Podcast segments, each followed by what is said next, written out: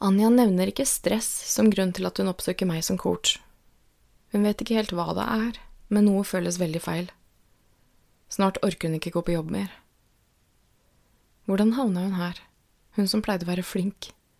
Nå kan hun ingenting lenger. I virkeligheten heter hun selvfølgelig ikke Anja. Og selv om alle de jeg coacher er unike mennesker, så er ikke opplevelsen deres av stress unik. Anjas situasjon er typisk for mange av dem jeg møter i coaching.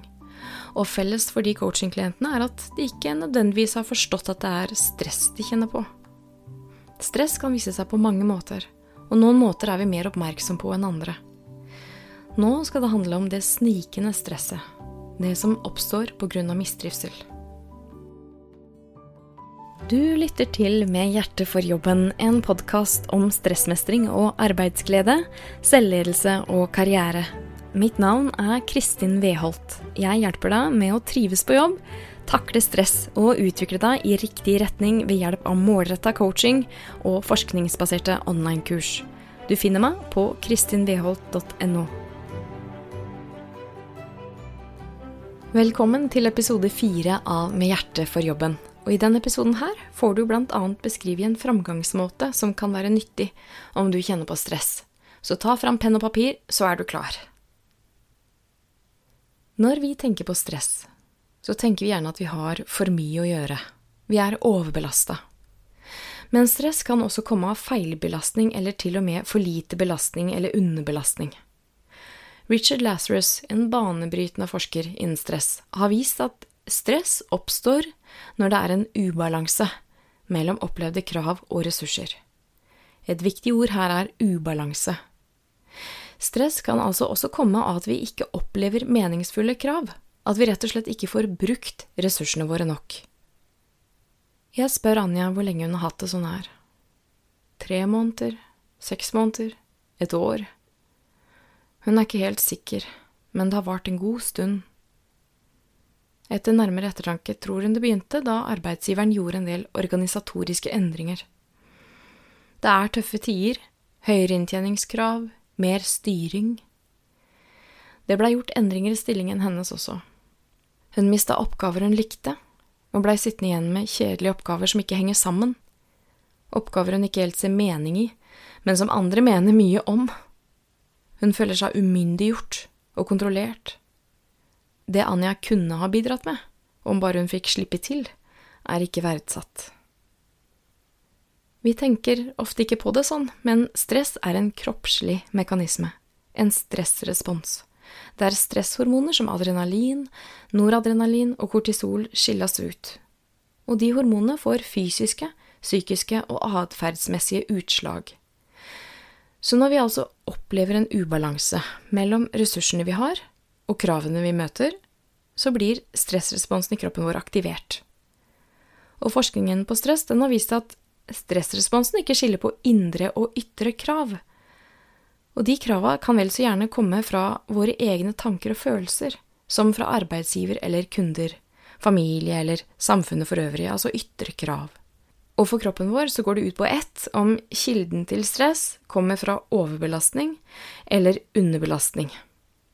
Det sympatiske nervesystemet vårt aktiveres. Stresshormoner skilles ut, kroppslige funksjoner som skal skjerpe prestasjonsevnen vår, skrus opp, mens andre funksjoner som ikke er viktige der og da, nedprioriteres. Kroppen er i full beredskap.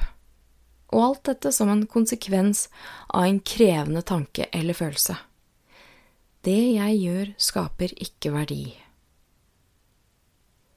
Kanskje du, kjære lytter, lurer på om også du har en stressutfordring du bør ta tak i. Da kan du jo ta min gratis stresstest for å kartlegge stressnivået ditt og få tips til hva du burde gjøre. Du finner testen på kristinveholt.no slash stresstest. Anja har en mastergrad i faget hun utøver i jobben sin. Stillingene hun har hatt til nå, vitner om at hun må ha prestert godt underveis. Hun er ganske velartikulert, men språket hennes blir fattig for det hun opplever nå. Hun famler, har aldri vært her før, har aldri opplevd det å ikke mestre noe. Tvert imot er hun vant til å være flink. Det er liksom henne, det. Da kan hun le usikkert idet hun sier det. At det har vært hennes greie å være flink, som om hun ikke er flink lenger, som om det hele var en bløff selv hun hadde trodd på. Nå er hun overvelda av tvil og frykt, tvil på egne evner, frykt for at det går nedenom og hjem med henne. Men Anja er flink. Som coachen hennes er jeg ikke i tvil. Ellers hadde hun ikke møtt veggen nå. Flinkheten hennes er en betingelse for å bli syk av det å ikke føle seg flink. Og bare hun kan sette standarden for hva flink betyr for henne. Hos dem som går på for høyt turtall i altfor lang tid, er det som regel ikke vanskelig å forutse smellen. Vi rundt dem kan jo se det, det rasende helsefarlige stresset de selv ofte er blitt fartsblinde for. Men det er ikke så lett å se den typen stress Anja lider av, det stresset som kommer snikende. Den dyktige medarbeideren vil jo gjerne bidra, men blir passiv av de kjedelige oppgavene. Det er rart, jeg har aldri hatt så lite å gjøre, og likevel sliter jeg med å få ting gjort, sier Anja. Gradvis forringas trivselen hennes, og fallet i motivasjon gir lav produksjon, som gir dårlig mestringsfølelse og en sviktende selvtillit. Anja tenker på å slutte i jobben, men hvor skal hun ta veien? Hva kan hun egentlig? Jeg spør henne om hun har vært sykemeldt, og hun nøler strever med å si noe som er representativt for den hun er nå. Før var hun aldri borte fra jobben, mens nå Det begynte med stive skuldre, gjerne kombinert med hodepine, og hun har en del vondt i magen. Og nå trenger hun av en eller annen grunn antibiotika for en vanlig høstforkjølelse. Det flate stemmeleiet og energiløsheten hennes får meg til å tenke på depresjon. Jeg spør om Anja sover lite. Og alt det her er typiske symptomer på alvorlig stress. Alt det her skjer på grunn av alle stresshormonene som har pumpa rundt i blodet hennes i lang tid. Som coach lurer jeg på hvor i bildet Anjas leder er. En god leder ville ha oppdaga denne mistrivselen. Når jeg spør henne, forteller hun om en relasjon som er på randen av sammenbrudd. Hun har forsøkt å være tydelig, men lederen forstår ikke hvor hun vil, og like lite som Anja vet at hun lider av stress på grunn av ubrukte ressurser, vet lederen hennes det. Stress er for travle mennesker i krevende jobber. Anjas leder er travel. Jeg aner bare konturene av den lederen, som jeg mistenker at sliter med å håndtere jobbendringer selv. Anja kan ha partner og barn og nære venner, gode kollegaer også. Og likevel så virker hun veldig ensom her hun sitter i coaching. Ensom og sint. Jeg tenker på alle de som burde vært ordentlig involvert i det her. Ikke bare lederen hennes. HR eller verneombud, bedriftshelsetjenesten eller fastlegen hennes også. Her sitter Anja med hele ansvaret på skuldrene sine, når ansvarsforholdet er sammensatt, når flere andre også skulle tatt ansvar. Jeg hjelper Anja med å forberede seg til en samtale hun skal ta med lederen sin. Vi setter opp en agenda, og jeg vil gjerne dele den agendaen med deg her, i fall du kjenner deg igjen i Anja, men kvier deg for å ta en potensielt vanskelig samtale med lederen din. Først den praktiske rammen for samtalen. Det er viktig at du og lederen din setter av nok tid, minst en klokketime. Og dere må ha et fortrolig rom for samtalen, så bukk et eget møterom. Og så til innholdet i samtalen. Agendaen for samtalen har seks punkter, og på de tre første punktene så er det primært du som snakker, for det her det er innledningen til samtalen, og det er jo du som har tatt initiativet til samtalen. Så det er her du setter rammen for at det skal bli en god samtale, og at du får utfallet du ønsker deg. Og derfor er det viktig at du fatter deg i korthet på de tre første punktene, for da blir budskapet ditt så klart som mulig, og dere kommer raskt til poenget. Punkt 1. Hva vil du snakke om? Og her kan du bare kort og greit si som den første ting i samtalen jeg vil snakke om stress. Punkt 2. Hvorfor vil du snakke om det? Og her kan du f.eks. si noe sånt som at jeg kjenner på stress nå, og jeg har grunn til å tro at det er arbeidsrelatert. Jeg ønsker å ta tak i det nå, før det får utvikle seg og føre til sykefravær. Punkt tre. Hva er hensikten med samtalen? Og her er det viktig at du får fram hva du ønsker å få ut av samtalen. Så du kan f.eks. si Hensikten med denne samtalen er at du og jeg, kjære leder, skal finne fram til tiltak for å redusere stresset jeg opplever, og tiltak for å gjenopprette trivselen min. Punkt fire. Hva trenger du fra lederen din? Og her må du forberede noen forslag til hva lederen din kan gjøre for deg ut fra hva du trenger. Det kan f.eks. være at han eller hun hjelper deg med å prioritere oppgaver, eller at lederen din delegerer noen av oppgavene dine som skaper mistrivsel og stress, til andre. Lederen din kan gi deg nye oppgaver som er mer i tråd med dine styrker og kompetanse enn de oppgavene du har i dag. Oppgaver du kan lære å utvikle deg i eller kanskje trenger du rett og slett at lederen din er tydelig på hva han eller hun forventer av deg, så du vet når du jobber riktig og leverer godt nok. Punkt fem.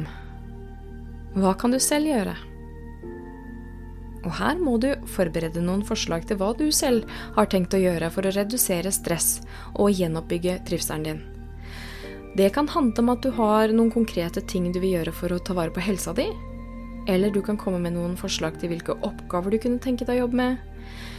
Eller du kan foreslå andre arbeidsmetoder som ville være mer meningsfylte for deg, og som du tar ansvar for å implementere. Eller du kan fortelle lederen din at du har tatt kontakt med coach. Det viktigste er at du ser at du har et ansvar for trivselen din, og du viser lederen din at du tar det ansvaret. Så spør gjerne lederen din også om hun eller han ser noe du kan gjøre som du ikke har tenkt på selv. Punkt 6. Hvordan vil du bli fulgt opp? Og Her må du og lederen din bli enige om når dere skal snakke sammen neste gang, om situasjonen din og hva som skal skje i mellomtida.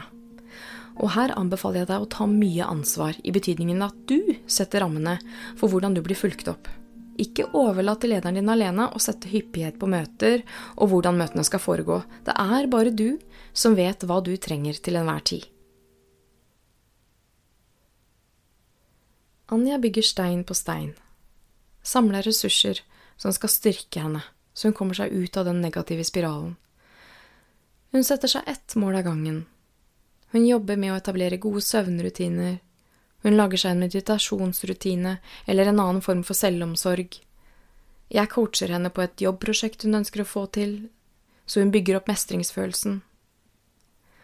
Anja er jo dyktig, så hun jobber godt med det vi snakker om mellom coachingene.